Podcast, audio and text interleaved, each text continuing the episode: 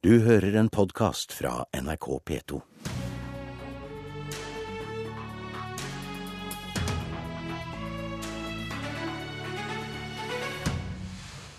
PST mener vi har svikta i å hindre radikalisering. I dag legger Erna Solberg fram sitt mottiltak. Og skal det være påbudt å bruke redningsvest når du er på sjøen? Da PST la fram si tryggingsvurdering i vinter, sa PST-sjefen sitat Vi som samfunn har svikta i å hindre radikalisering. I dag legger du, Erna Solberg, fram en handlingsplan for å oppdage og stanse ekstremisme tidlig. 30 tiltak til sammen. Og hva er det viktigste konkrete tiltaket som du eh, presenterer i dag? Det viktigste er at vi mobiliserer alle samfunnsressursene våre for å forhindre radikaliseringen. Eh, det er ikke ett tiltak du kan plukke ut og si at det er det viktigste. For det, det Bjørnland sa når hun sa den setningen som du siterer, det var jo at eh, det de opplevde, var at PST var førstemann som kom i kontakt med bl.a. syriafarerne. De hadde ikke vært kontaktet. Det var ingen som hadde varslet om at her var det en prosess hvor en ungdom faktisk ble veldig radikalisert. Så radikalisert at de lot seg rekruttere til en krig i et helt annet land for å slåss for de verdiene de da nå trodde på. Ja, hvordan skal når, du da hindre at PST blir første varslingsinstans? Det betyr at alle vi andre er nødt til å ta et større ansvar. Foreldre er nødt til å ta et større ansvar. Eh, lokalt politi er nødt til å ta et større ansvar. Skolemyndigheter er nødt til å ta et større ansvar. Vi er nødt til å bygge tettere nettverk for å oppdage og samtale med ungdom som begynner å få problemer, som begynner å ramle ut, for en del av de er i den situasjonen. Og for å uh, rett og slett uh, treffe de på et tidligere tidspunkt for å forhindre radikaliseringen, og for å forhindre at de etter hvert utgjør også en trussel mot det norske samfunnet. Alle skal få en plikt til å si fra, skriver du i en kronikk i Aftenposten i dag. Hva betyr det i praksis? Jeg mener at det er en moralsk plikt, så vi kommer til å understreke overfor alle at eh, det er varsler om at ungdom begynner å ramle ut, at ungdom begynner å gi uttrykk for veldig radikale meninger. Skal ikke møtes med passivitet, verken av skole eller av, eh, av foreldre. Det må faktisk eh, snakkes med, ungdommen må snakkes med, og vi skal gi dem en større verktøyskasse for det. Lokalt politi skal få Men hva konkret ligger i den verktøykassa? I den verktøykassen går det at det er instrumenter og måter å jobbe sammen på. Det betyr at vi skal ha ordninger vi følger opp foreldre. Et av de tiltakene vi har sett fra Danmark som har vært veldig bra, det har jo vært foreldregrupper som jobber med, med nettopp å, å, følge opp, altså hvor foreldrene følges opp, men hvor de også eh, adresserer og snakker med sine barn for å veilede dem på eh, en bedre vei tilbake. Det er ikke, det er ikke straffemekanismer eh, du kan bruke i dette. Det er ikke masse lover og regler som er svaret på det. Det er et samfunn som faktisk bryr seg, og som stopper radikalisering før den har utviklet seg til et ønske om å f.eks. bidra i terrorkrig andre steder. Sosialmedisiner Per Fugli er nok ikke skeptisk til et samfunn der en bryr seg, men han er skeptisk til handlingsplanen din. Vi skal høre hvorfor. Historien har vist oss at vi har et skummelt anlegg for hysteri når fare truer flokken vår. Vi så det i Amerika i 1950- og 1960-årene, med kartismen. Og vi har helt opp til for 20-30 år siden hatt en stygg kommunisthets i vårt eget land. Og jeg mener Denne historiske leksen må få oss til å være på vakt hva tenker du om hvordan de vil identifisere disse radikale og ekstreme elementene? Ja, Det får òg alarmklokker til å ringe hos meg. Det lille jeg kjenner til fra PSTs eh, pressekonferanse. Da ble det jo nevnt tegn på radikalisering som burde få helsesøstre, idrettsledere, nabolag til å reagere og komme med bekymringsmelding. Og blant disse tegnene var plutselig skjeggvekst. Eller et at en ung mann plutselig begynner å gå i posebukser eller trekke seg tilbake fra vennekretsen. Og jeg tenker ja, men altså da kan det bli mange, mange tusen som kommer i mistankesonen. Erna Solberg, skal en varsle når naboen eh, begynner å gå med posebukse og gro skjegg? Nei, men hvis ungdom begynner å få problemer i livet sitt, ramle ut av skolen, ikke følge med, samtidig begynner å vanke i miljøer som man ser er ytterst eh, kanskje preget av eh, radikal tankegang, ja, så er det viktig at foreldre tenker igjennom hva det betyr. Det er viktig at det er et hjelpeapparat for de foreldre. Dette er jo ikke sånn at de skal varsle til PST. Dette er ikke et angiversamfunn. Dette er et samfunn som faktisk skal bry seg med at ungdom som begynner å få utfordringer, faktisk treffes, møtes. Vi vet, Men, det, er ikke, det er jo ikke sånn at det bare er ungdom med problemer som blir rekruttert. Mange, men noen av de har det. Eh, og noen ganger så er det viktig at foreldre faktisk følger med på hva slags venner dine barn har. Eh, hva, slags miljø vanker dine barn, barn i. Eh, og dette er jo det vi har lært bl.a. fra arbeidet for å få bremset opp de nynazistiske ungdomsmiljøene, hente ungdom ut av nynazistiske miljøer fra 90-tallet. Det er akkurat de samme mekanismene, kanskje enda sterkere. Og det at vi har en verktøyskasse hvor også både lokalt politi, skole, kommune samarbeider sammen med foreldrene, bygger ned terskelen for at foreldre skal kunne tørre å snakke med myndighetene eh, om bekymringen sin, det er viktig. Men en skal varsle, men ikke nødvendigvis til PST. Skal en varsle politiet? Det viktigste er at det settes i gang aktivitet. Eh, og Det betyr at når man har snakket med skolen, hvis man har snakket med andre lokale myndigheter om og at man er bekymret, ja, så skal man også se på hvilke tiltak kan vi iverksette. Da er det viktig å begynne med samtalen. Det vil velges lokalt ut ifra hvem som er nærmest barnet til å få i gang en god samtale. Men ligger det et dilemma her i forhold til ytringsfrihet? Jeg aksepterer jo ytringsfrihet stort, men det er viktig at man også får motstand på ytringene sine. At man får forståelse for hvilke miljø man kan bevege seg inn i. Eh, og det, den motstanden tror jeg det er viktig at man også møter. Vi snakker her om f.eks. Eh, at vi i Norge har 40-50 ungdommer som har reist til Syria, deltatt i krigføring påført sannsynlig Noen er faktisk døde, norske ungdommer som er døde i Syria pga. dette.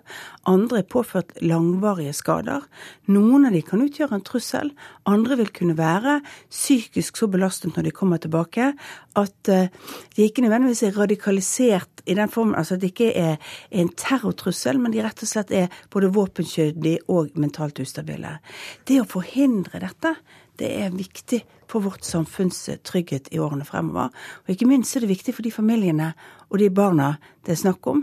Når vi ser hvordan noen foreldre i fortvilelse har reist til, eh, til Tyrkia, lett etter sine døtre, så ser man jo også at jeg tror de foreldrene ønsker seg eh, at de hadde et sted å komme til, at de hadde et myndigheter å snakke med, som gjorde at de kunne forhindret utviklingen blant sine barn. PST-sjefen sa til Dagsrevyen i desember at hun ønska å gjøre det forbudt å hylle terror og alvorlige voldshandlinger. Får hun et slikt forbud i dag? Det ligger ikke noe sånt i denne planen eh, i det hele tatt. Det er en betydelig større diskusjon. Eh, og det går også inn på ytringsfrihet, eh, om man skal da forby det eller ikke. Og det trenger vi en stor diskusjon om. Det viktigste Nei, vi har vært opptatt av ikke. Nei, altså det får hun ikke. Og det viktigste vi nå gjør, det er jo faktisk å sørge for at det som manglet tidligere, nemlig muligheten til å gripe inn tidlig, det gjør vi noe med. Hele tiltaksplanen mot radikalisering legger du fram på Politihøgskolen klokka ti i dag. Takk for at du kom til Politisk kvarter, Erna Solberg. Og vi skal på bøljan blå i Politisk kvarter nå. For denne veka skal Stortinget stemme om det skal bli påbudet å bruke redningsvest i fritidsbåter. Regjeringa er imot, medan Arbeiderpartiet, Venstre, KrF og Senterpartiet vil ha ei plikt til å bruke redningsvest. To parti er på vippen, De Grønne og SV. Torgeir Knag Fylkesnes, næringspolitisk talsperson i SV. Du er skeptisk til et slikt påbud. Hvorfor? Ja, eh, jeg er veldig skeptisk. Eh, og nå må jeg bare understreke at vi kommer til å behandle dette her i SV på onsdag. Så vi er ikke ferdigkonkludert i partiet, men jeg er nå egentlig ferdigkonkludert. Jeg er for redningsvest, men jeg er imot et påbud om det. På samme måte som at jeg er for refleks i mørket. På samme måte som jeg ikke ønsker et påbud om det. Eh, og for meg så, så er det Jeg er veldig overbevist om at vi kan ikke påby alt vi er for, eller forby alt vi er imot. Det må Jeg er mot en utvikling der vi går mot et regelsamfunn der, der politikere, Stortinget, avgjør hva som er riktig måte å te seg til, til sjøs eller i, i, trafikken i mørket. Altså Det må gå en grense for hvor langt eh, reglene skal gå. Eh, og så må vi heller istedenfor bygge opp det som dette her egentlig handler om. Kunnskap, respekt for havet. Eh, og vite hvordan man skal forholde seg til, til sjøen, og, og, og vite hva type farer som lurer seg der. Abid Raja, stortingsrepresentant for Venstre. Du er for et slikt påbud. Hva for argument vil du bruke for å få SV til å snu her? Jeg håper jo at SV vil klare å se forskjellen mellom å ha refleks i mørket eh, og f.eks. bilbelte, som jo de facto redder liv. Det vi vet om redningsvest, er i fjor så døde så mange som 34 mennesker eh, ved at man ramlet ut av båten eh, i en sånn liten fritidsbåt. Og 80% av de hadde ikke redningsvest på. Eh, altså Du kan redde liv ved at du har redningsvesten på når båten er i bevegelse. Og det handler ikke om at du skal ha den på deg til enhver tid, og så eh, ligger du og fisker, drar opp garn, soler deg i båten. Så kan man løsne det opp. Men når båten setter seg i Da skal det ikke være påbudt. Nei, men det er, det er, som regel når båten er i bevegelse eh, at farlige eh, Altså når du, når, du, når du, kommer deg ut til, til havs, så må du kunne få lov til å hoppe ut i vannet og svømme. Det er ikke det det handler om. men når båten legger seg til å bevege seg. Det er da de farlige situasjonene oppstår. Og Litt av politikernes oppgave er å tilrettelegge for at minst mulig mennesker eh, omkommer og dør. Dessverre er faktumet slik at 34 mennesker døde i fjor som følge av eh, eh, drukning.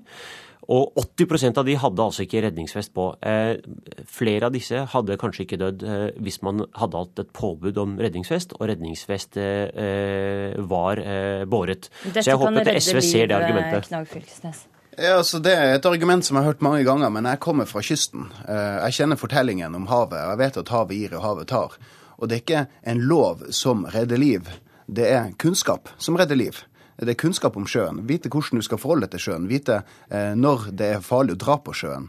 Eh, vite når du skal bruke vest, osv. Eh, derfor mener jeg at dette er en, sånn, det er en typisk sak hvor eh, vi som politikere må være forsiktige med å innføre nok en, eh, et påbud, nok en regel. Her er det litt sånn motsatt av det det bruker å være. Sosialistiske SV bruker ikke å være så redd for å tvinge folk, men eh, det bruker liberale venstrefolk å være. Hva har skjedd her, eh, Fylkesnes? Nei, så jeg, jeg, tror nok at i SV så er det, det er jo delte meninger også i SV. Men den tradisjonen jeg kommer fra, er opptatt av at vi ikke får en utvikling der der, eh, for Vi vet at det har vært en stadig eh, en sterk utvikling der det er stadig mer regler om hvordan folk skal te seg. Jeg mener det er en grense eh, for hvor langt politikere faktisk kan påvirke hva som er riktige holdninger, og hva som skal være riktig sikkerhetsoppfatning rundt omkring om folk. Når det kommer til stykket, så er det enkeltmenneskers kunnskap vi må bygge på. Og det er ingen enkel løsning her som et påbud kan skape. Det å være liberaler det vil ikke si at man eh, ikke er for noen påbud eller forbud eh, eller lovreguleringer. Eh, akkurat som Venstre er for bilbelte, akkurat som Venstre er for at man skal ha barnestol i bilen, så er vi også for at man skal ha redningsfest i båten. Og Dette handler altså om å være best i klassen, også når det gjelder båtsikkerhet.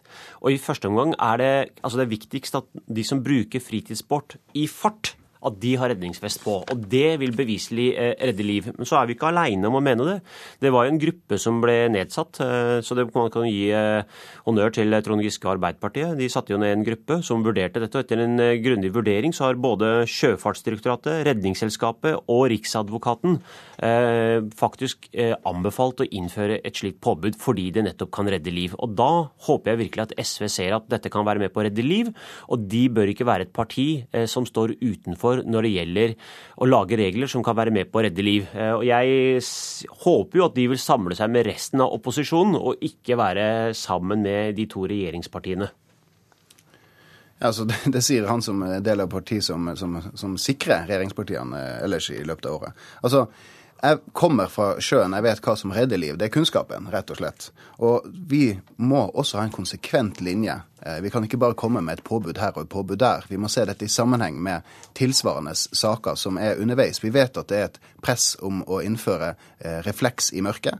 Det er også noe som vil kunne redde liv. Men vi vet ikke om, om det vil uh, føre til en redning av, folk. det er ikke, jeg mener, Med all respekt, men, men, det er ikke sammenlignbart. fordi at som, når, som er, når, når Vi må passe på så at ikke vi utvikler en skinnlov som, som, som ikke følges opp av, av sanksjoner. Ja, men Det er jo et viktig poeng, eh, Raja. Hvordan skal politiet klare å følge opp dette? Ja, I dag så kan jo ikke politiet følge opp dette, for man har ikke en lovregulering. Jeg har tro på folks uh, rettsfølelse og rettsbevissthet. Uh, nordmenn flest følger loven. Og hvis du har et påbud om å ha vest på, så vil veldig mange naturlig nok også følge dette. Gjør man ikke det, så vil politiet kunne håndheve dette. Men dette altså dreier seg Der, Abid Raja, så fikk du siste ordet i denne debatten. Saka skal opp til votering på Stortinget på fredag og vi følger spent med. Det var Politisk kvarter. Med i studio var Astrid Randen. Du har hørt en podkast fra NRK P2.